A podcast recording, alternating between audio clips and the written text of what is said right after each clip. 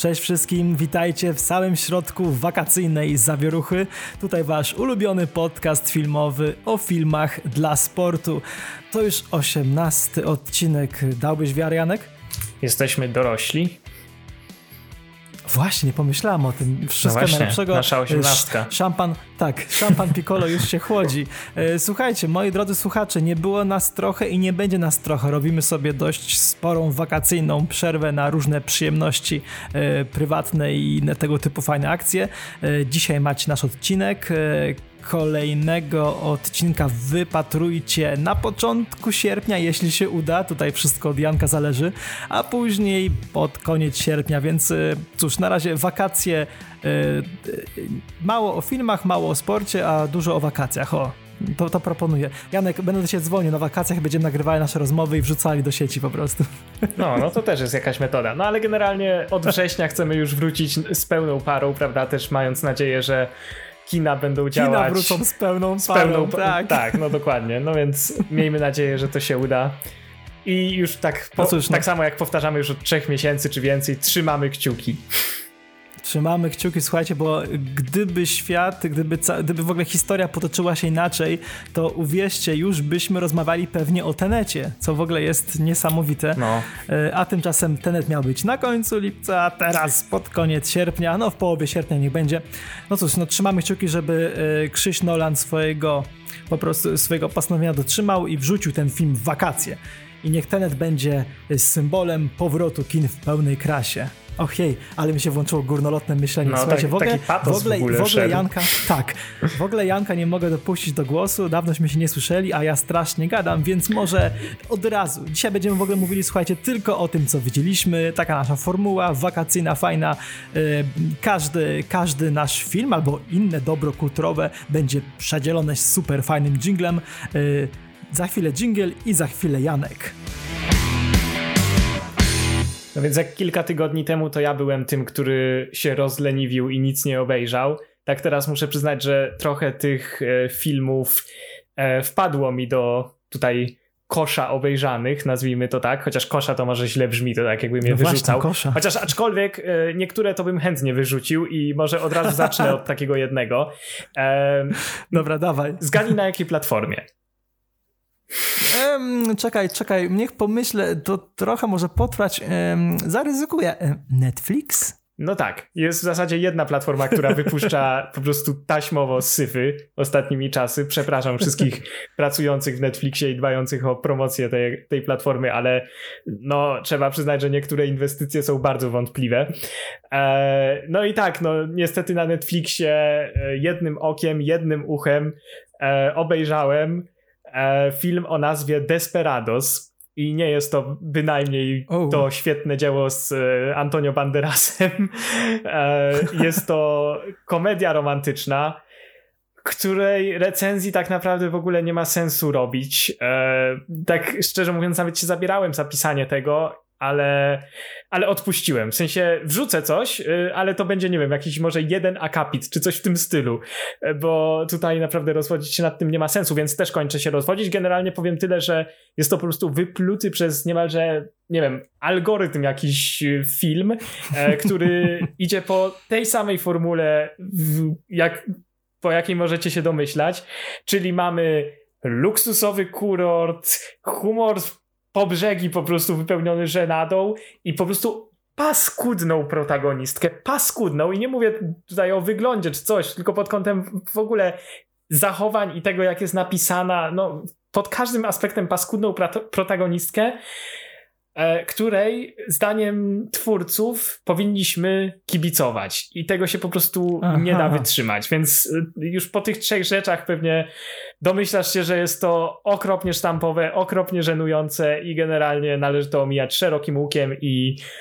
no nie wiem, daję 2 na 10, bo tam jest taka jedna fajna rola drugoplanowa, znaczy fajna rola, po, powiedzmy a, powiedzmy, są elementy na drugim i trzecim planie, które może nie były aż tak fatalne, ale ale nie, no jest to, jest to dzieło naprawdę złe i szczerze mówiąc, mam nadzieję, że, yy, że gatunek komedii romantycznych spotka swojego Ryana Johnsona, który wprowadził nową jakość do gatunku kryminałów, prawda? Tak tutaj też przydałaby się trochę szczerze mówiąc rewolucja i jakiś pomysł naprawdę taki z grubej rury, bo w ogóle ten gatunek jest fajny, kurczę, tutaj naprawdę dużo fajnych rzeczy da się zrobić, dużo fajnych rzeczy zostało już zrobionych, ale po prostu wiele wytwórni tak idzie w takie taśmowe produkcje wypluwane właśnie przez algorytm, że, że się odechciewa po prostu, no i, po, no i traci na tym jakby cały gatunek, cała opinia, prawda, publiki.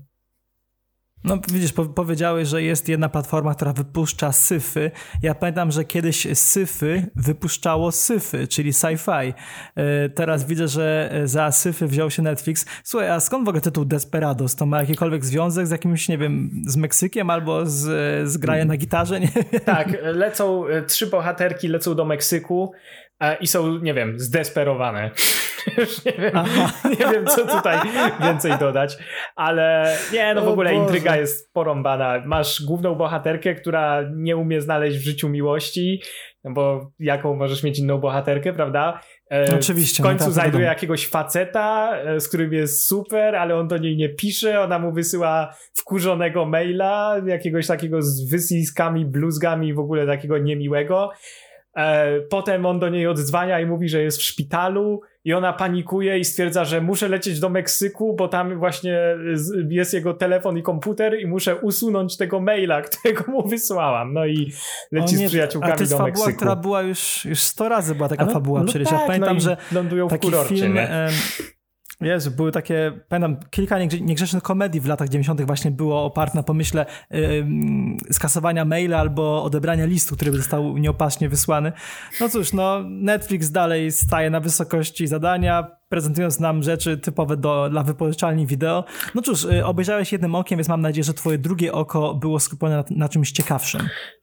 Tak, nie no, sporo ciekawych rzeczy obejrzałem i myślę, że tutaj y, też ty będziesz mógł dodać coś y, od siebie, ponieważ tam tak trochę bardzo brutalnie zacząłem od takiego wręcz przysłowiowego pocisku Netflixowi, ale trzeba przyznać, że jest też jedna z nowych produkcji tej platformy, która no trzyma poziom, nie jest według mnie jakimś czymś wyjątkowym, ale oglądało się ją naprawdę przyjemnie i ty też ten film widziałeś i mówimy tutaj o Eurovision Song Contest. Historia zespołu Właśnie. Fire Saga.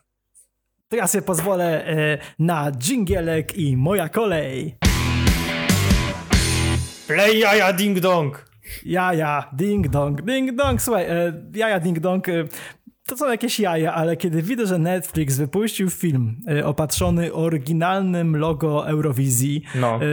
y, 13, w którym grają Will Ferrell i Rachel McAdams, i jeszcze widzę na playlist.net i innych blogach filmowych naprawdę takie dość pochlebne opinie, to, to sobie i też, że ja kocham filmy muzyczne, to sobie mówię, kurczę, muszę to zobaczyć. Powiem ci szczerze, y, Janku, ja widziałem, jaką ocenę wystawiłeś Eurowizji na, przepraszam, Eurovision Song Contest y, na swoim profilu o filmach dla sportu. Ja byłbym oczywiście trochę nieco bardziej łaskawy, ponieważ tak jak wspominałem, uwielbiam filmy muzyczne, a jeszcze bardziej uwielbiam urocze filmy muzyczne. Powiem ci szczerze, w Eurowizji nazywamy już tak, albo w Eurovision Song Contest, po prostu zakochałem się w głównych bohaterach. E, ja mam z Willem Ferrellem taki troszkę stosunek, do niego mam stosunek ambiwalentny. Raz mnie mega bawi, raz uważam, że je, mógłby się już przestać wydurniać. Rachel jest świetna i jakby oglądanie ich razem na ekranie to była największa przyjemność i całe szczęście, że film opiera się na relacji tych y, postaci granych przez, ty, prze, przez tę aktorską dwójkę. Słuchaj, kurczę, ja chciałem w ogóle zacząć tak troszkę tak... Y, inaczej niż zwykle, bo od końca. Mianowicie, e, jeśli wiesz, o czym będę mówił, to e, postaraj się nie wchodzić mi słowo, bo e, szykuję teraz taką wypowiedź. Uwaga, bo to będzie samobiczowanie się po raz kolejny. Ja uwielbiam samobiczować się na naszym podcaście. Może powinienem Mianowicie... cię powstrzymać jednak. nie, nie, nie, nie, nie. Mianowicie film się kończy i oczywiście Piotr Olczyk rozpoczyna swoją tyradę na temat tego, dlaczego za, gra... za, za, za granicą Netflix robi dubbingi, a u nas nie, bla, bla, bla. Oglądałem film w towarzystwie i specjalnie wszystkich przytrzymałem przed telewizorem, pokazując im kolejne plansze. Zobaczcie, mówię, Włosi, proszę, pełna lista dialogowa. Zobaczcie, Japończycy, proszę, pełna lista dialogowa. Zobaczcie, nie wiem, Rumunii, Węgrzy, pełna y, lista dialogowa, a u nas co będzie? U nas będzie jeden smutny lektor. No zobaczcie, zobaczcie. I wtedy wreszcie pojawia się ta plansza y, z, z, z, z, polskim lektorem. Ja, ja już wyciągam palec pokazując i co? Widzicie? Jest tylko jeden lektor, bo jesteśmy oczywiście jedyni, którzy muszą mieć lektora. I jakieś było moje zaskoczenie, jakie się czerwonym zrobiłem, kiedy okazało się, że Eurovision Song Contest ma pełną polską mm, obsadę dubbingową. A to ciekawe. Nie wiem, czy no właśnie, widzisz, strasznie żałuję, że Netflix nie, w jakiś sposób nie oznacza y, filmów y, dubbingowanych w danym języku, ale z drugiej strony, Janku, dla całej reszty świata to jest standard. To wciąż dla nas jest świętem lasu. Dlatego Netflix nawet nie ma narzędzi, żeby te filmy jakoś oznaczać, jakąś, nie wiem, PL w kółeczku, cokolwiek. Y, słuchaj, ja od razu po obejrzeniu tego filmu i dowiedzeniu się o tym dubbingu szybko cofnąłem się do samego początku filmu, w którym, w którym Lars i Sigrid po prostu śpiewają sobie w swojej kanciapie i obejrzałem e, fragment, w którym oni śpiewają, a potem wchodzi Pierce Brosnan i oczywiście e, opieprza Larsa od góry do dołu. Słuchaj, po polsku brzmiało to świetnie i przede wszystkim super, że w ogóle to nie było tłumaczenie z napisów, czyli naprawdę się postarali, e, zadbali o kłapy, wiesz, otwieranie buzi, wtedy są sylaby. Zobaczyłem to po, po polsku, a jako, że jestem fanem dubbingu nie będę się w ogóle, nie będę się z tym ukrywał, to trochę, to trochę żałowałem, że obejrzałem ten film po angielsku, szczególnie, że przetłumaczyłem przetłumaczono także podobno piosenki, słuchaj, całe, wszystkie, więc no, no właśnie tego byłbym... Mega mnie to interesuje. To, to tak. aż sobie chyba sprawdzę, jak te piosenki brzmią po polsku. Ja bym na pewno z dubbingiem nie oglądał tego osobiście, za pierwszym razem przynajmniej, ale, mhm. ale tych piosenek to jestem ciekaw. No i teraz wróćmy do samego filmu, bo to nie chodzi o dubbing, chodzi o sam film Eurovision Song Contest. Um, tak, jest to film zrobiony we współpracy z Eurowizją, więc nikt tutaj tej dość mocno przaśnej imprezy nie wyśmiewa w taki sposób dość bezpośredni, ale przyznaj Janku, że to też nie jest taka skrojona na potrzeby promocji produkcja. Tam też potrafi być dość tam też dość fajnie pokazane są y, kulisy takiej ogromnej imprezy, jaką jest Eurowizja. Y, mimo, że pojawiają się na ekranie y, zwycięzcy poprzednich edycji, to jednak mówię, to nie jest film, który ma zagłaskać Komisję Eurowizji y, na śmierć i namówić, nie wiem, trochę tak jak napisałeś, Amerykanów do oglądania tego. Według mnie to chodzi o co innego. To ja to naprawdę kupiłem z taką całą naiwnością y, widza kochającego kino, szczególnie kino muzyczne. Ja, ja po prostu kupiłem to jako fajny film o muzyce, o spełnianiu marzeń, ale też o dojrzewaniu oczywiście i o takiej takim pewnym rodzaju partnerstwa w muzyce, o czym mało kto pamięta, że fajny jest ten dialog w filmie, kiedy mówią o zespole Wham, że każdy pamięta tylko George'a Michaela, a nie tego drugiego. Strasznie to było yy, fajne i super, że właśnie Will Ferrell, a raczej postać jego, czyli Lars, Lars yy, przypomniał widzom, jak się nazywał ten drugi pan yy, z muletem, który śpiewał razem z George'em. E, strasznie fajne, urocze kino, takie przyjemne. E, ja raz od Wielkiego Dzwonu lubię coś obejrzeć, co nie jest 16+. Podobało mi się, że to był taki film w sumie familijny, bezpieczny dość. No i no, oczywiście zapewne... Był znaczy, familijny, ja ale, ale miał, miał swoje momenty takie, że szczerze mówiąc... Miał swoje momenty. Otwierałem wiesz, oczy szeroko ze zdumienia. Ace Ventura też miał swoje momenty, jakoś wszyscy żyjemy i mamy się normalnie. Jestem pewien, e, że chciałbyś powiedzieć coś o fenomenalnej roli Dana Stevensa. Chciałbym, chciałbym, tak, nie no, to, to masz rację, że, że Dan Stevens był super i w ogóle nawet nie sam Dan Stevens, bo on wypadł naprawdę dobrze, ale to też było w ogóle fajne to, co twórcy zrobili jakby z jego postacią, prawda? Bo on tutaj gra tak, takiego, tak. Takiego, takiego bohatera, rywala, prawda, tutaj głównych bohaterów w konkursie, Rosjanina, e, na dodatek jeszcze, no więc tutaj automatycznie jak się go poznaje, no to odnosi się wrażenie, że okej, okay, on będzie zły, prawda? To, tak, to jest to taki jest typowy villain, antagonista i tutaj, och, on tutaj będzie knuł i rzucał kłody i psuł szczęście naszej tutaj pary, prawda? No ale ale tu jest mega fajne zaskoczenie z tym, jak ten wątek się kończy, i myślę, że jest to jedna z największych takich wartości tego filmu, i no to mnie bardzo pozytywnie zaskoczyło. A sam Dan Stevens Owszem, jest fenomenalny, bardzo... i jak śpiewa tak. swoją piosenkę The Lion of Love, Oj, to tak. też po prostu.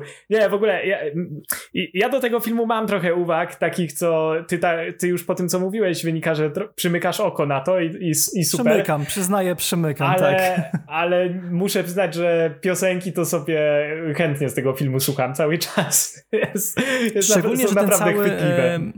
Szczególnie, że właśnie Lion of Love to jest naprawdę dobry numer. Ja, nóżka mi latała, wiesz, jak dzika.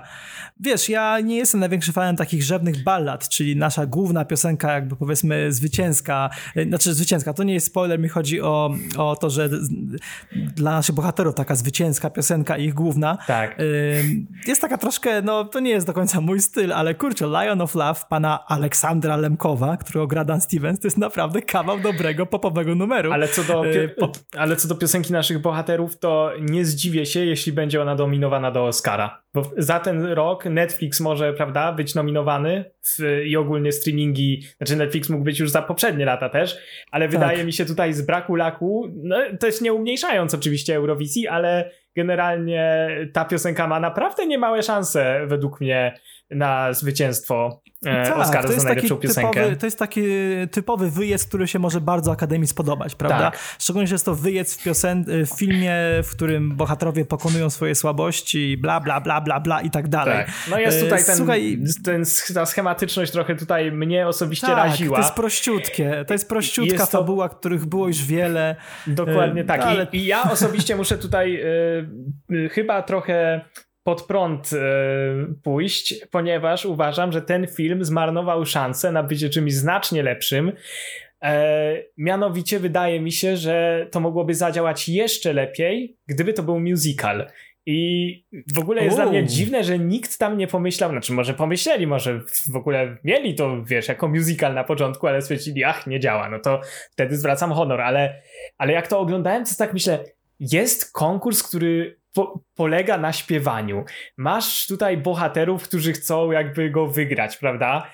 I jakby pierwsza myśl, jaka mi się no, nasuwa, może dlatego też głupia, prawda? Kto wie, ale to jest zróbmy z tego musical. W sensie to, to jest taki idealny setup i w ogóle wokół tej Eurowizji można by tak to poprowadzić.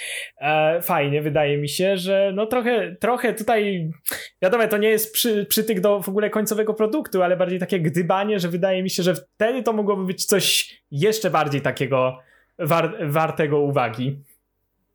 Oj tam, bo zobaczyłeś Pierce'a Brosnana i już chciałeś Mamma Mia 3. Ja ci, powiem, ja ci powiem szczerze, lubię musicale, ale nie kocham, więc naprawdę cieszyło mnie właśnie, że ten film jest taką dość przyjemną dość prostą fabularnie komedią, którą się po prostu ogląda cały czas z bananem na, twarzy. Humor mnie śmieszył, mimo że był też wytarty. Ja te żarty słyszałem sto razy. Humor mnie śmieszył, bohaterowie byli fajni. E, bardzo mi się podobały właśnie te mm, wstawki tych prawdziwych, e, e, pra, prawdziwych artystów. Nawet pojawiała się Demi Lovato w jednej z roli, co ciekawe. Kurczę, wiesz co, ujęło mnie właśnie w tym filmie taka taka ta prostota. Chyba potrzebowałem takiego tak. przyjemnego, miłego filmu. Naprawdę włączasz ten film i ty wiesz, że nic się złego nie stanie. Tak, nikt, a, a... E, nikt, no właśnie, nikt się nie przeora po gruzie, o czym do czego jeszcze wrócę dzisiaj.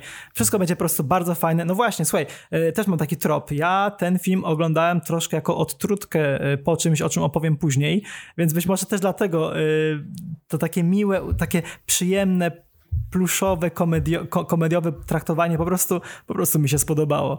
No i, nie, no i są też świetne piosenki, a ja przecież e, uwielbiam świetne piosenki. O. No, generalnie jest to film, który naprawdę wyłącza się z uśmiechem na ustach. Naprawdę, polecamy wszystkim Eurowizję. Jeśli się nie boicie, tak jak Janek, i chcecie e, czegoś nowego w swoim życiu, to włączcie z dubbingiem i e, zaświadczam, że się pozytywnie zaskoczycie. E, no dobrze, to była teraz moja kolej, to teraz będzie pora na jingle, jingle a po jinglu Janek kontratakuje to jeśli chodzi o nowości, to ja mam jeszcze tutaj jakby dwie pozycje, które widziałem. Znaczy, właściwie to cztery, ale o dwóch ty już mówiłeś wow, wcześniej. Dwie, ale cztery. Dwie, ale cztery, tak. Tutaj mamy jakieś mnożenie e, bardzo szybkie. E, to tak tylko krótko powiem, że skorzystałem z twojej przysłowiowej tutaj polecajki, nazwijmy to, i założyłem konto próbne na Prime Video. O, no i obejrzałem 7,5 tysiąca e, z tym Boże Święty. A, Joseph, Josephem, Josephem. Z Josephem, z, jo z Josephem Gordonem tak. Levitem e, i, e, i The Vast of Night. E, I muszę przyznać, obydwa filmy są naprawdę dobre, ale ty już o nich opowiadałeś dość obszernie, więc tutaj nie będę się e, rozwodził, jedynie będę potwierdzał. Ale cieszy mnie właśnie, Potwier cieszy mnie to, że to, co ci poleciłem, tak ci przypadło do gustu, bo trochę tak. się bałem, czy kupisz te, czy kupisz tę kameralność Was of Night i czy kupisz też tę kameralność w sumie 7500. Nie no, super Ale to cieszy było. mnie, że, cieszy mnie, że się podobało. Było to bardzo odświeżające, bardzo widać przemyślane, prawda, tutaj niski budżet, ale pomysł i to jest coś, co no Prime Video widać tutaj ma w przeciwieństwie do Netflixa, prawda? No tak, no. no więc to była taka Nie w ilość, tylko w jakość. No. Dokładnie, tak. No więc to była taka trochę miła odmiana, że akurat jedyne dwa filmy, które obejrzałem na tej platformie okazały się naprawdę dobre, prawda? Na, na Netflixie no to jest loteria pod tym względem. No ale nic, no to tak gener generalnie to są premiery, o których już e, jak mówiliśmy, mówiliśmy. E, no więc przechodząc do rzeczy nowych, są tutaj e, dwie pozycje, które widziałem jeszcze. To może zostając przy Netflixie, żeby skończyć ten temat. Wyszła teraz w ten weekend dość głośna premiera, myślę, że też o niej słyszałeś. To jest akcyjniak, taka akcyjniak w zasadzie adaptacja komiksu zarazem. E, nazywa się The Old Guard. To jest film z Charlize Theron w roli głównej. E, więc tutaj mm, mamy po prostu. Charlize, która jest już po prostu jedną tak. z największych gwiazd na akcji obecnie, wydaje mi się, w Hollywood. Co jest też fajnie odświeżające, że mamy tutaj do czynienia z kobietą, która tak ten gatunek no rzeczywiście podbija. E, no ale generalnie. Powiem ci szczerze, no. bardzo mnie ciekawi, bardzo mnie ciekawi Twoja opinia, ponieważ internet jest troszkę jak Polska podzielony, ale ja hashtag też. bez polityki. Tak, bardzo mnie ciekawi Twoja opinia. Ja na blogach, które naprawdę cenią sobie kino ambitne, potrafiłem przeczytać pozytywną recenzję The Old Guard, mhm. a po prostu na stronach typu Joblo, które lubują się, wiesz, w filmach akcji, taką troszkę powiedzmy mniej pochlebną. Dlatego bardzo mnie ciekawi, jakie jest Twoje zdanie. Ja Ci powiem szczerze, ja ten film przepuściłem puściłem głównie dlatego, że właśnie uznałem go, że to będzie taki akcyjniak straight to DVD i nawet Charliza, piękna, wspaniała, jakoś nie mogła mnie na ten seans namówić, więc kto wie, może Janek. Sprawdźmy. No więc generalnie y, The Old Guard to jest film o um, tutaj takim Starej gwardii. tak, starej gwardii, e, kwartecie takim, nazwijmy to. E, czwórce osób, którzy żyją od bardzo dawna. Generalnie są nieśmiertelni. I jak się ich zabije, to Aha. się na jakieś tam sposoby regenerują. E, no i tutaj mamy wątki typu ktoś odkrywa ich sekret i oni, wiesz, muszą się tutaj jakby no, uciekać, nazwijmy to. E, z drugiej strony mamy wątek, że pojawia się pewna nowa rekrutka, która również przejawia tego typu zdolności jak oni i to są zdolności tylko dotyczące właśnie tego, że są nieśmiertelni, tak? Jakby cała reszta, no to są już ich prywatne tutaj doświadczenia i to, co sobie nazwijmy to gamingowo, wyekspili przez e, całe swoje długie życie. E, no ale tak, no generalnie taki jest właśnie setup, taki tak pobieżnie mówiąc. E, no i sam film, cóż, no mówisz, że internet jest podzielony, ja trochę też jestem podzielony, ponieważ pierwszy akt, pierwsza, no tak, pierwszy akt powiedzmy, jest super, jest naprawdę fantastyczny e, i postacie są naprawdę, e, wydaje mi się, takie charyzmatyczne, dają się lubić, są e, takie naprawdę, wiesz, e, może nie, że to jest jakieś, wiesz, no to nie jest kino ambitne, więc tutaj się jakoś nad portretami psychologicznymi twórcy nie rozwodzą przez nie wiadomo ile czasu, ale też tego nie olewają, więc to jest przyjemne i naprawdę tych, tą ekipę się lubi, więc to jest już na starcie fajny e, fa, fajny jakby powód, dla którego w ogóle można ten film polecać. E, akcja jest spoko, bez jakiegoś tutaj wielkiego Johna Wickowania, żeby to było jakieś, e, wiesz, mind blown ze względu na, e, na to, co się dzieje na ekranie, ale ogląda się to przyjemnie. E, ten wątek z nową rekrutką jest też bardzo fajnie tutaj właśnie nakreślony na samym początku. No więc masz w ogóle taką mitologię, która jest interesująca pod, pod względem tej nieśmiertelności. Można tutaj naprawdę wie, wiele rzeczy sobie jakby tak, no wiesz, na, na wiele sposobów do tego podchodzić. Czy to właśnie na zasadzie tego, um, czym, czym jakby przypłacasz za tę nieśmiertelność, prawda? Co ci to daje, właśnie, co ci właśnie. to odbiera, więc można to na wiele sposobów ugryźć i, i twórcy to robią. No nie w jakimś takim, nie w jakiejś skali, nie wiadomo jakiej, ale tak jak mówiłem przy tych charakterach, no nie jest to olane, więc to jest fajne. No ale Wchodzą potem antagoniści, którzy szczerze mówiąc są dosyć kreskówkowi. I mamy tutaj motywacje, które są bardzo proste i ten element filmu bardzo całość tak jakby hamuje. W ogóle wydaje mi się, że ostatecznie właśnie po tym super pierwszym akcie potencjał w ogóle tego świata, potencjał tej mitologii, jaka wokół tych postaci jest nabudowana, no jest naprawdę, no nie zostaje niestety wykorzystany na miarę swoich możliwości.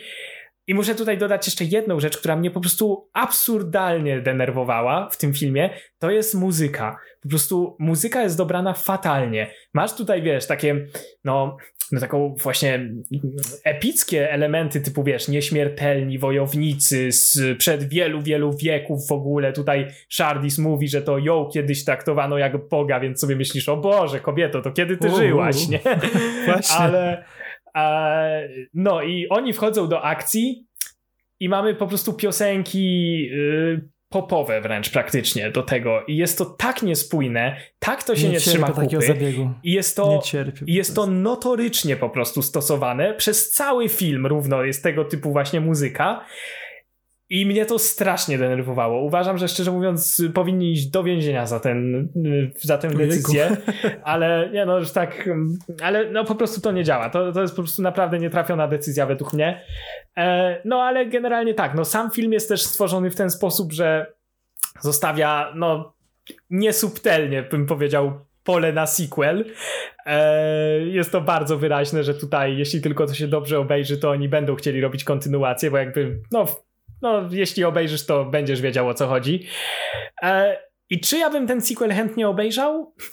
Wydaje mi się, że tak, szczerze mówiąc, pomimo tych różnych właśnie e, problemów, jakie ten film ma z niewykorzystanym potencjałem, właśnie z taką nudną końcówką, takim, e, no, no, z taką muzyką właśnie, no to, to już jest tam powiedzmy problem bardziej techniczny, no ale storytellingowo też to ma znaczenie. No ale nieważne, sequel bym generalnie obejrzał, ponieważ e, te postacie są naprawdę fajne i szczerze mówiąc myślę, że przy takiej, nie wiem, wsłuchaniu się w, pewne, w pewną krytykę, czego oczywiście robić twórcy nie muszą, nie mówię, że to jest konieczne, ale, ale wydaje mi się, że jest tutaj pole do poprawy i pole do zrobienia czegoś jeszcze fajniejszego. Ale generalnie ten film według mnie tak mm, jest na takim pograniczu polecić, nie polecić, ale generalnie właśnie ze względu na to, że oglądało mi się go naprawdę przyjemnie i postacie są charyzmatyczne, fajne i wyraziste, to, to ja jestem skłonny go polecić. Nawet mnie zaintrygowałeś, powiem ci szczerze, ponieważ nie planowałem w ogóle tego, tej starej gwardii oglądać, ale kurczę, skoro, skoro Jan Kapturkiewicz chwali takie typowe, znaczy proste kino akcji i jeszcze mówi o tym fajnym koncepcie, że twórcy nie zignorowali tych wszystkich powiedzmy plusów i minusów bycia nieśmiertelnym, kurczę, jestem, jestem zaciekawiony, tak ci powiem. Więc no, polecam. Mnie. Generalnie z nowości to jest, to jest naprawdę rzecz taka, którą można spokojnie polecić. Wydaje mi się, że wielu osobom się jednak nie spodoba za bardzo. Z różnych powodów, niestety też takich e, powiedzmy e, głupio światopoglądowych, no ale to już whatever, to o, jest niestety nie. choroba tego świata. E, ale, ale wydaje mi się, że tobie się może to całkiem przyjemnie oglądać. No, powiedziałeś o światopoglądowych problemach fanów. Och, no to chyba przejdziemy do mojego kolejnego segmentu, moi drodzy. Po dżinglu. Ostatni będę... Jedi! po dżinglu będę miał szorowaną twarz po żwirze. Zaczynamy to ja biorę popcorn i wsłuchuję się, bo jestem naprawdę ciekawy, co powiesz. Ojejku. No Janku, słuchaj, no chciałbym y, tutaj y, podziękować za zaproszenie do programu. Oto mój prywatny segment o grach dla sportu. Mianowicie y, ukończyłem już jedną z największych premier growych ostatnich miesięcy, czyli The Last of Us Part 2 drugą część niesamowicie popularnej i wielokrotnie nagradzanej gierki specjalnie powiedziałem gierki, bo naprawdę mówienie o takim dziele, y, używając słów typu gierka, to jest nieporozumienie, a wiem, że wiele osób tak, ta, y, taką nomenklaturą się posługuje. Słuchajcie, od razu mówię, jeśli ktoś zaraz chce to wyłączyć, mówiąc, że to nie są filmy.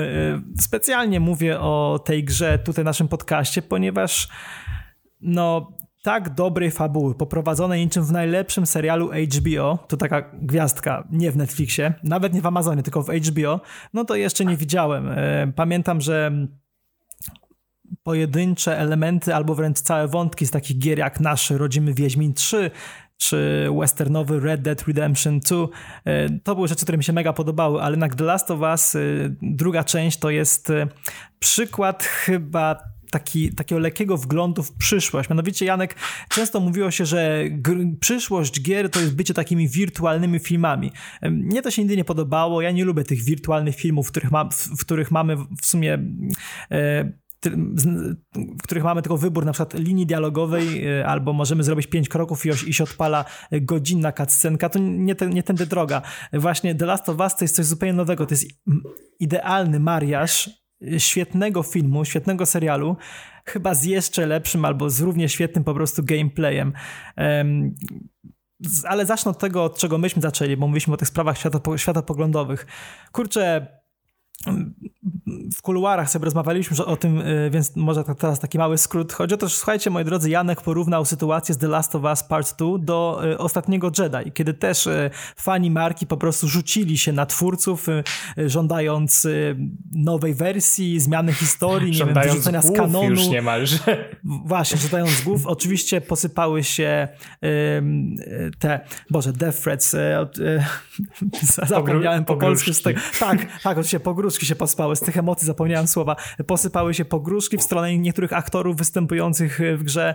Widziałem. Nie rozumiem tego, nie wiem o co chodzi. Mi się to kojarzy takie zachowanie z takim wściekłym tłumem, który idzie z widłami po prostu w kierunku zamku y, doktora Frankensteina. Naprawdę nie rozumiem takiego, podej takiego podejścia. Y, nie aprobuję go absolutnie i nie podoba mi się, powiem ci Janek, że fani się poczuli, ostatnio fani ogólnie kultury, czują się tak pewnie, że, po prostu, nie wiem, grożą śmiercią, żądają od twórców zmiany dzieła. Słuchaj, no ale to ja już nie pierwszy szczerze, raz, nie? Tak samo z Grow o Tron, to, to jest e, Oczywiście, według mnie tak, straszna tak, tak. sytuacja w ogóle, bo czy coś ci się podoba, czy nie, to jakby samo tutaj robienie petycji typu remake y, Eighth Season of Game of Thrones, czy coś takiego, tak. czy, czy w ogóle wywalić ostatniego Jedi i remake The Last Jedi, to jest po prostu, no jeśli po prostu konsumenci będą ingerować w sztukę w ten sposób, to naprawdę do niczego nas to nie zaprowadzi. Do niczego, ponieważ y, twórca ma prawo przedstawić dzieło takim, jaki on chce.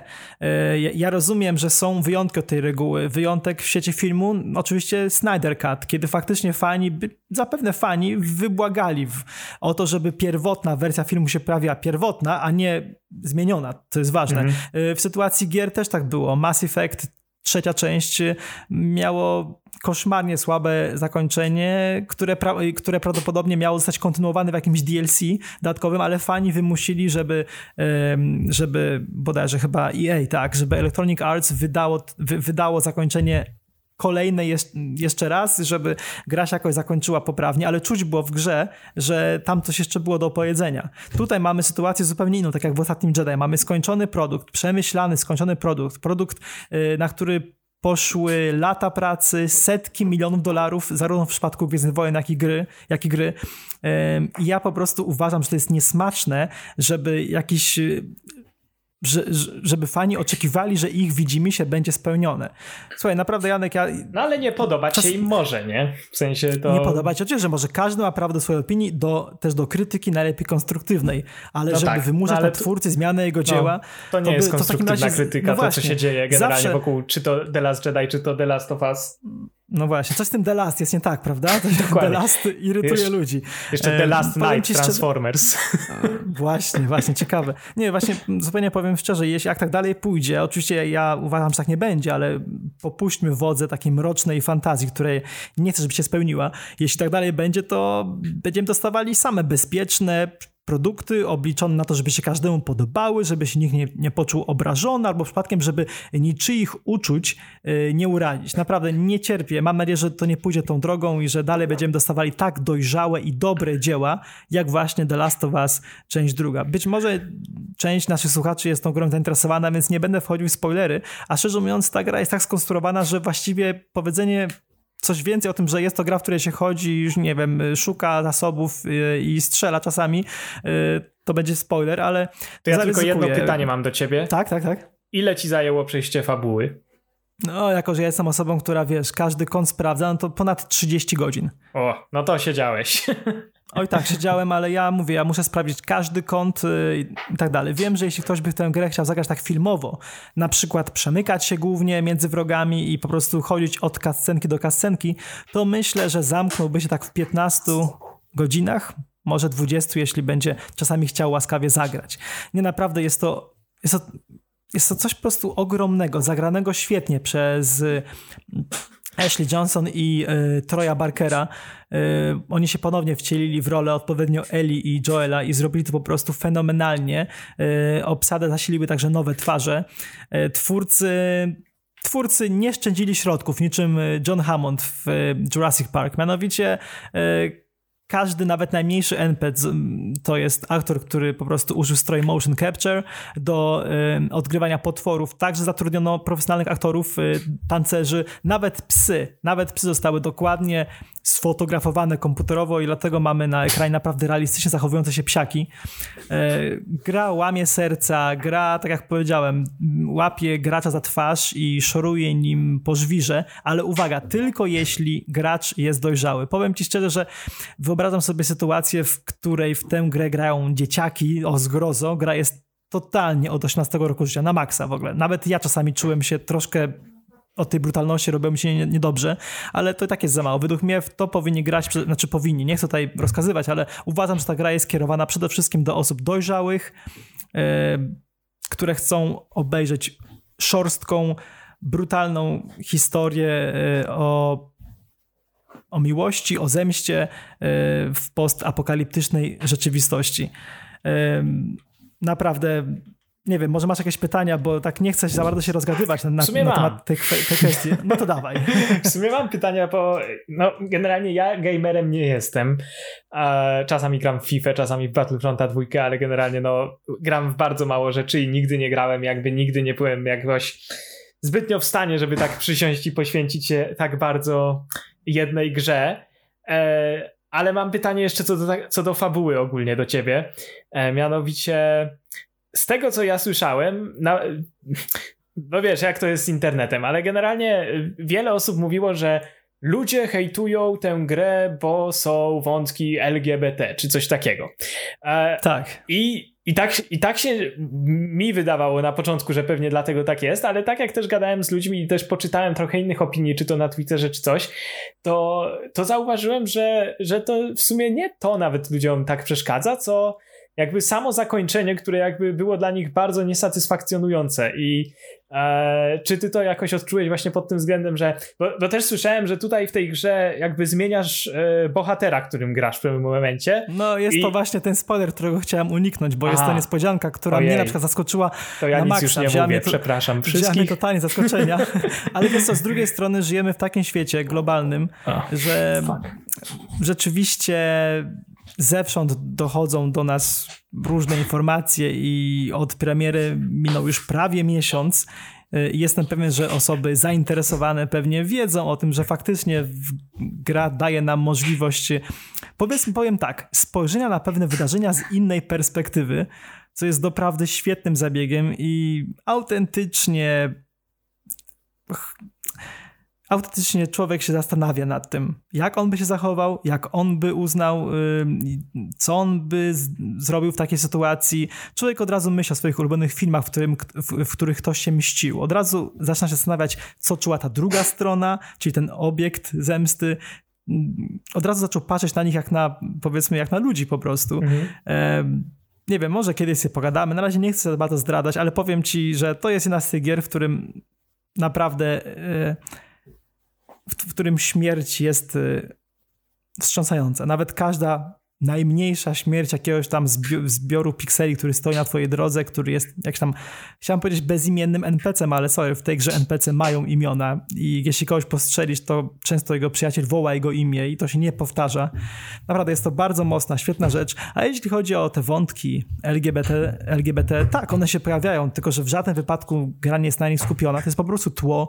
Opowiada to o ludziach takich jak my, a że ci ludzie mają na przykład inną preferencję seksualną, no jak to? Po prostu tak jest. Tak no. jest. Jeśli ktoś nie potrafi tego uszanować, to tak jak powiedziałem, to oznacza, że po prostu nie jest dojrzały na tyle, żeby zagrać w tak naprawdę, nie boję się powiedzieć, wybitne dzieło. E, mam nadzieję, że podobnie jak część pierwsza, tak i część druga zdominuje rozdanie nagród BAFTA. Może doczekamy się kiedyś gier na Oscarach, ale na razie możemy liczyć najwyżej na BAFTę. No. Ale Naprawdę, The Last tworzy, of Us nie? Part 2 polecam i ode mnie 10 na 10 to jest po prostu rzecz wybitna i wyjątkowa. Uff, chyba skończyłem. no ale serial się tworzy, nie? No, serial się tworzy właśnie, tak. E, bardzo mnie ciekawi, co z tego będzie. E, bardzo mnie ciekawi, czy serial poruszy wątki z jedynki, czy też z dwójki. E, najpierw chciałem, żeby to była prawie że dokładna ekranizacja jedynki. Chciałem zobaczyć te wydarzenia na ekranie, ale teraz tak myślę, kurczę, jeśli oni w ogóle planują, żeby ten serial miał więcej niż jeden sezon, no to chyba powinni wziąć, wziąć pod uwagę właśnie także wydarzenia z części drugiej. No nic, na razie skończyłem, mam syndrom odstawienia e, po naprawdę tej pełnej przykrości, e, pełnej przykrości przeprawie. To jest brutalna, mroczna przeprawa. Ciężko się gra w tę grę, ale daje ogromną satysfakcję. Właśnie po tej grze musiałem obejrzeć tę nieszczęsną, cudowną, zabawną, fajną Eurowizję, tylko po to, żeby taką odtrutkę dostać. Naprawdę, gry, gry osiągnęły już ten gry w ogóle, samo słowo gry już trochę tak głupie jest, ale niech będzie. Gry osiągnęły już ten poziom, kiedy potrafią naprawdę wzbudzać emocje tak, tak, tak mocno i tak silne, jak, jak, jak, jak po przeczytaniu książki czy po obejrzeniu e, filmu. The Last of Us Part 2, cud, miód. Kurde, no muszę przyznać, że trochę mnie, trochę mnie tak nakłaniasz, żeby jednak zagrać w tę grę.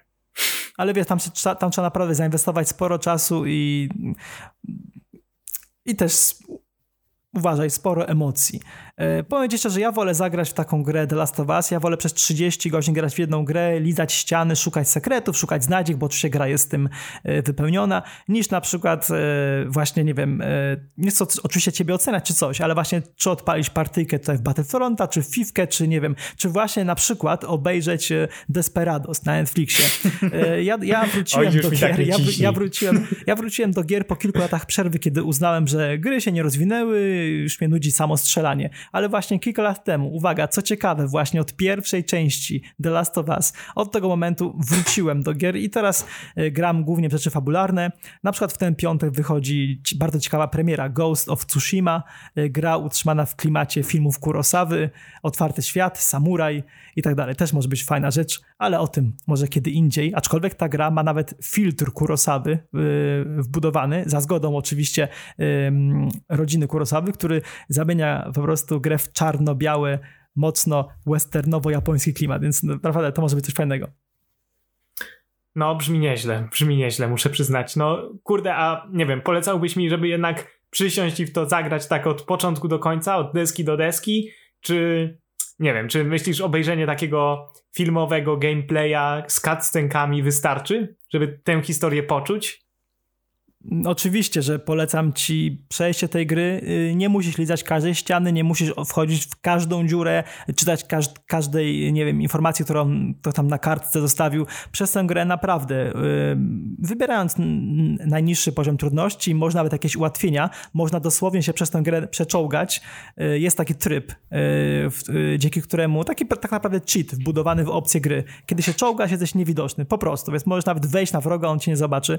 Jeśli ktoś się nie czuje na na, e, na siłach, żeby grać, bo ta gra potrafi być trudna, szczególnie dla takiego niedzielnego gracza. E, wrogów jest dużo, amunicji jest mało i wszystko jest takie mroczne, ale e, polecam ci zagranie, bo jest to jeden z tych tytułów generacji. Jest to gra, o której się będzie jeszcze wiele, wiele lat mówiło i jestem pewien, że ona będzie, zapisze się złotymi zgłoskami w annałach wirtualnej rozrywki. A wydaje ci się, że jak kurz opadnie teraz po jakimś czasie, prawda, od premiery, to to nie wiem, na przykład za rok czy coś e, ludzie inaczej będą patrzeć na tę grę i bardziej ją doceniać jednak fabularnie. Ale, ale Janek, już teraz y, oceny się poprawiają. Przecież ta, y, ta gra została zbombardowana negatywnymi ocenami od razu po premierze na Metacriticu i na IMDb, a potem kiedy Skąd opadł właśnie ten kurz po kilku dniach, y, te oceny zaczęły miarowo wzrastać i wiem, że teraz y, oscylują już jakoś przy jakimś całkiem niezłym numerku. Oczywiście branża tę grę pokochała, nie dziwię się wcale, jest to rzecz świetna. Mam nadzieję, że ten krzyk tej garstki graczy, krzykaczy, którzy nie potrafią po prostu zrozumieć, że nie wiem, ktoś może kochać inaczej, albo nie potrafią zrozumieć, że twórca miał inny pomysł na, na historię ich ukochanych postaci, y, że wtedy dojdą do głosu normalni, prawdziwi gracze, którzy po prostu oczekiwali świetnej gry i taką dostali. Och, dobra Janku, nagadałem się, tak jak wspomniałem, jeszcze mnie, jeszcze mnie rozgadałeś, bo zapytałeś kilka pytań, a teraz się wreszcie przymknę, na, nabiorę wdechu. Nie no, pora na jingle, tak, pora na jingle i na y, bodajże chyba ostatni segment dzisiaj, czyli Janek ponownie, powrót Janka, o. Wiesz, ale takich emocji, jakie ty tutaj przedstawiałeś, to się zawsze przyjemnie słucha i takiej pasji, więc y, ja z przyjemnością tutaj słuchałem twojego w dużej mierze monologu. E, ale tak, no ale to teraz wracając z powrotem do filmów, e, to ja muszę powiedzieć, że mam jeszcze tutaj jedną e, premierę nową, o której chciałem powiedzieć. To jest premiera, która e, zadebiutowała, no, odbyła się, można powiedzieć, takim żargonem filmowym, prawda? O, ta premiera odbyła się na e, Apple TV Plus. E, Wiem, co to będzie. I to jest e, też e, platforma, na której powiedzmy zrobiłem sobie właśnie konto, konto próbne teraz, więc o, ciekawe, kont ciekawe. próbnych muszę tylko pamiętać, żeby je anulować, bo żeby mi nagle ze wszystkiego nie pobierało. E, A mogę zadać kasy. E, pytanie e, na początku techniczne. No. Za pomocą czego oglądałeś filmy z Apple Plus? Mm, nie no, Apple Na TV telewizorze plus... czy... A, a, masz nie, nie, Apple na, TV, tak? Nie, nie, znaczy e, Apple TV mam notabene, ale to akurat Apple TV Plus sobie odpaliłem na kompie. A, na komputerze, okej, okay, dobra, tak, rozumiem. Tak. tak ciekawości pytam, bo y, też myślałem, bo wiem, co obejrzałeś, ale nie będę spoilerował. Tak, więc ja już powiem, żeby tutaj emocje nie sięgały zenitu aż za bardzo. Obej obejrzałem film Misja Greyhound, czy też po prostu po angielsku Greyhound. Greyhound, e, tak. To jest e, najnowsza produkcja z Tomem Hanksem w roli głównej i w roli scenarzysty i producenta, co ciekawe. To jest e, dość rzadki dość rzadko się zdarza, że Tom Hanks pisze scenariusz, a jeśli już pisał dotychczas, to też reżyserował, a tutaj akurat tylko napisał, no i produkował, no tylko, nie, no to lwia część roboty, ale, no ale nie reżyserował. E, tak czy siak, no gra tutaj główną rolę i Tom Hanks gra e, kapitana e, amerykańskiego okrętu, e, który w czasie II wojny światowej jakby przewodzi ochroną e, różnych transporterów alianckich. E, no i są generalnie ścigani przez e, niemieckie uboty. E, no, więc tutaj już widzisz, że emocji może być sporo. I muszę przyznać, że ten film zaczyna się naprawdę dobrze. W sensie pierwsze pół godziny mi jak z bicza strzelił i ja naprawdę czułem, czułem takie ciarki. Twórcy tutaj bardzo dużo uwagi poświęcają detalom i czy te detale są odwzorowane, wiesz, wiernie, czy nie, no to to już nie do mnie pytanie. Ja tutaj, prawda, odbieram to pod kątem filmu, nie, niewierności historycznej, no ale generalnie jest tutaj bardzo dużego takiego skupiania się w ogóle nad tym, jak wiesz, jak dowodzenie takim okrętem działa, ile tutaj, przez ile osób przechodzą rozkazy, ile osób w ogóle to obsługuje, żeby, e, żeby wiesz, żeby to funkcjonowało jakkolwiek. No, no to się naprawdę mi podobało. W sensie takie poświęcenie uwagi takim szczegółom, które z perspektywy fabuły niekoniecznie są istotne aż tak. Ale tutaj mhm. twórcy to poszli i według mnie to było naprawdę fajne i ciekawe. Wiesz, przypomnijmy może słuchaczom, że A, ten film no. był y, szykowany do kin oczywiście, to miała być tak. premiera kinowa. Y, Tom ja nawet pisałem ubolewał, nim, że to nie trafi Tak, tak. Pisałem o nim, pamiętam, w zapowiedziach na ten rok, y, na, na ciekawszych filmów. No, tr trochę przykro dla mnie, że to trafia na Apple Plus. Na razie ja się nie zdecyduję, żeby tam nawet próbny rozpocząć ten, y, te, ten, ten okres. Dlatego właśnie ciekawa mnie twoja opinia i trochę mnie zmartwiła, jak napisałeś, że początek był fajny, ja wyczuwam takie ale teraz z trzema tak, kropkami. No, no, właśnie, no właśnie e, wszedłeś w momencie, kiedy miałem powiedzieć ale. No więc, tak jak mówiłem, te pierwsze pół godziny ogląda się naprawdę dobrze, są emocje i jest jakby wylany fundament pod to, żeby było, był to naprawdę dobry taki, wiesz, thriller wojenny. Ale problemem ale... okazuje się tutaj dużym coś, co bym określił słowem nie wiem, monotonność, wydaje mi się.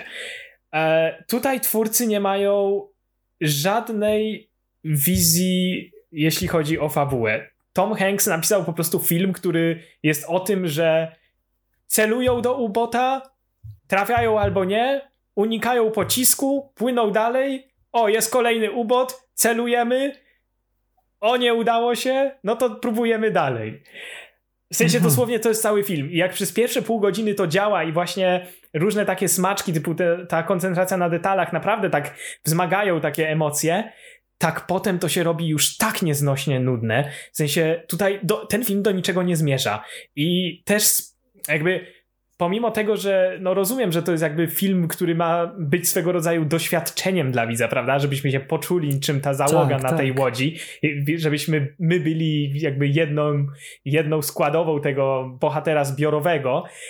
No ale jednak mamy tu bohatera też głównego. Mamy tutaj tego Toma Hanksa, który jest napisany jako bohater naprawdę bardzo, bardzo nijak. Jedyne jego cechy to jest to, że cytuje Biblię i na samym początku filmu jest krótka scenka, jak y, chce się oświadczyć jednej kobiecie, ale ona mu mówi, że generalnie, no później, bo teraz jedziesz na wojnę i ten, no i generalnie jest niespokojny hmm. czas i ten. To jest jego cały charakter. Potem on tylko, nie wiem, potem tylko każe celować w uboty. E, I to ma swój urok, ale tak jak mówię, przez pierwsze pół godziny. I dosłownie potem ten film nie robi nic dosłownie nic. Ja byłem po prostu w szoku, jak z tak dobrego pierwszego aktu może wyjść koniec końców coś, co zostawia mnie z poczuciem takiego rozczarowania. E, no ale może, jak się okazuje. Też tutaj na pewno nie pomaga to, że wrogowie, no Niemcy są przedstawieni już tak groteskowo, że bardziej się nie da. Ja rozumiem, że to jakby tutaj naziści i Niemcy funkcjonują jako, wiesz, wróg Hollywoodu e, ulubiony do eksploatowania, no i oczywiście Rosjanie, ale, mhm. ale antagoniści w tym filmie są przedstawieni wyłącznie jako taka. E, są, inaczej, są przedstawieni wyłącznie w formie radiowej komunikacji i jedyne co robią, to mówią tak. Oho, Greyhound, e, uciekacie nam, ale my was pozabijamy i zabijemy wszystkich i wy nic z tym nie zrobicie. I potem jest tak, au, bo to wiesz, są wilki, nie? więc, e, więc, no to, tak, więc tak. ścigają i ach, to było naprawdę i, I, jest kilka takich rozmów, że Tom Hanks właśnie odbiera tę słuchawkę, prawda, i tam ci mówią w ten sposób właśnie, że o, pozabijamy was, my tutaj wygramy, a wy przegracie, o. Jest to naprawdę złe i przepraszam za moją tutaj nie wiem, znaczy, co to było, co teraz brzmi, robiłem. Brzmi, brzmi groteskowe tak bardzo, mm, rzekłbym, staromodnie, jak w takich tak. starych filmach, w których wszystko było takie bardzo czarno-białe. Prawda? I to może nie jest zaskakujące teraz, że to Tom Hanks pisał. W sensie Tom Hanks no ma tak. czasami trochę takie, no to jest generalnie powiedzmy tatuś Hollywoodu, taki, tak, e, tak. taki człowiek komfort po prostu filmowy, ale, ale on ma w sobie coś takiego czasami nudnego, bym powiedział. W sensie rzadko kiedy Tom Hanks bierze na siebie takie role, które by, wiesz, były czymś zaskakującym jakoś wielce. Ma wybitne role oczywiście na koncie i to wiele wybitnych ról, ale, ale mi się wydaje, że przydałaby mu się jakaś taka, nie wiem, volta swego rodzaju, w sensie z czymś ubarwić tę ten, ten swoją aktorską, no jeszcze nie, no nie chcę mówić starość, no ale już powiedzmy znaczy, co, lata starsze. No mnie, ja bym z chęcią zobaczył Toma Hanksa jeszcze raz y, w, w takiej roli y, jak z filmu Droga do zatracenia. To mhm. był zupełnie inny Hanks, to taki brutalny, szorstki, mroczny Hanks, gangster. No taka rola zupełnie inna i naprawdę z chęcią bym go właśnie zobaczył jako taką postać. Przydałoby no, mi się, bo Hanks... z tego co opisujesz, to właśnie Greyhound to jest taki tatusiowy film o wojnie. Troszkę tak, tak. brzmi. Dosłownie tak. I wydaje mi się, że Hanks spadł w szufladkę ról kapitana. Przecież tak, kapitan no tak. Phillips, kapitan tak. Sally, teraz tutaj znowu kapitan tego Greyhound. No po prostu można się skichać i naprawdę, nie wiem, no mam nadzieję, że, że nam, nas czymś jeszcze niedługo zaskoczy, czymś takim powiedzmy oryginalnym w, w tym mm, kto kontekście. Był, kto był kapitanem w Apollo 13? No właśnie. No właśnie. o Jezu, no to widzisz, to jeszcze, jeszcze bardziej potwierdza to, to, co mówię. No ale Apollo 13 to było lata temu, prawda? A ta seria tak, Kapitanów tak, tak, to jest ostatnia dekada, a nawet mniej. Mhm. Więc y, no coś tutaj ewidentnie Hanksa pcha do tutaj sprawowania kontroli i władzy na okręcie czy, czy pokładzie. e, no ale nic, no ale wracając do samego filmu, no, no, no jest to tak jak mówiłem trochę rozczarowanie jednak. W sensie e, twórcy, no i głównie wydaje mi się właśnie Hanks, który odpowiada za scenariusz, więc za to, no jak mniej więcej ta fabuła wygląda, prawda? E, no, no on nie umiał tego przekuć w nic interesującego. W sensie ogląda się to na początku dobrze, a potem zastanawiasz się, po co ty to jeszcze oglądasz. W zasadzie i i ja nie mówię, że w sensie ma to jakąś wartość pod tym względem, że może to ktoś obejrzeć i pomyśleć, no ale dokładnie tak to by wyglądało na wojnie. No właśnie, to jest takie odstorowanie, jak to wygląda, więc to takie ten, ale, ale z drugiej strony, czy, czy wszystko musi być filmem w takim razie? W sensie właśnie, da się to jakoś, właśnie. myślę, inaczej rozwiązać i i myślę, że ten film powinien zostać naprawdę przepisany jeszcze ze dwa razy, zanim to by się nadawało do jakiegoś takiego naprawdę szczerego polecenia. A tak, no to mogę wystawić, nie wiem, taką. No, jeśli chodzi o liczbę, no to się tak waham między takim 4 a 5, no bo niestety, mówię, no, z naprawdę fajnego pierwszego aktu, koniec końców idziemy do niczego. Płyniemy, można powiedzieć, no bo tutaj cały czas wszyscy płyną. No cóż, może to jest kolejna produkcja, która faktycznie, o której studio wiedziało, że nie jest to materiał Oscarowy i dlatego zdecydowałaś na sprzedaż po prostu do VOD. Jednak no niektóre filmy, jak, jak wiemy, są trzymane, twardo trzymane w skarbcach i czekają na swoją premierę. E, nie mamy dzisiaj czasu na, na, na newsy, bo już zobacz, która godzina, o matko, ale to możemy, możemy wspomnieć oczywiście, że i Halloween zostało przesunięte o rok na przykład mm. i inne filmy, więc no jak widzimy, to nie jest tak, że taki głupi horrorek, oczywiście mówię to w cudzysłowie, jak Halloween nie trafi po prostu na Netflixa. Jednak twórcy czekają na premierę kinową, a od takiego Greyhounda właśnie, no przyznam ci szczerze, czułem troszkę, że to będzie takie kino raczej klasy takiej B, powiedzmy. Ale doskonale to, to ująłeś, że, doskonale to ująłeś, że to jest takie tatusiowe kino. No, tak właśnie to brzmi.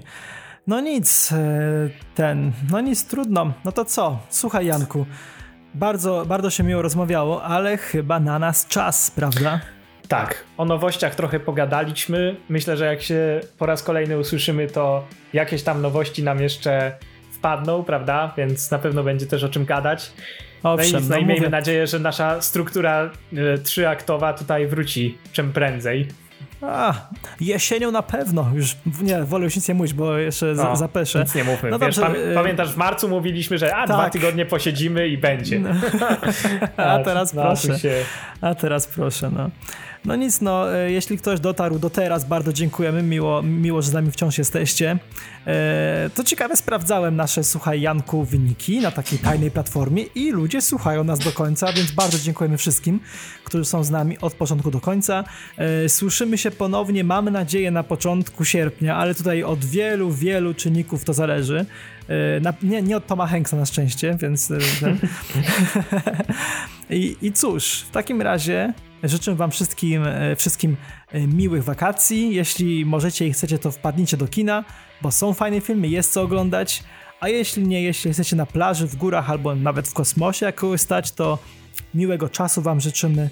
I Tobie też, Janku, życzę wypoczynku miłego i spraw też wszystkich ładnie poukładanych.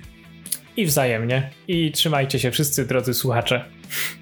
Dzięki, cześć. Cześć.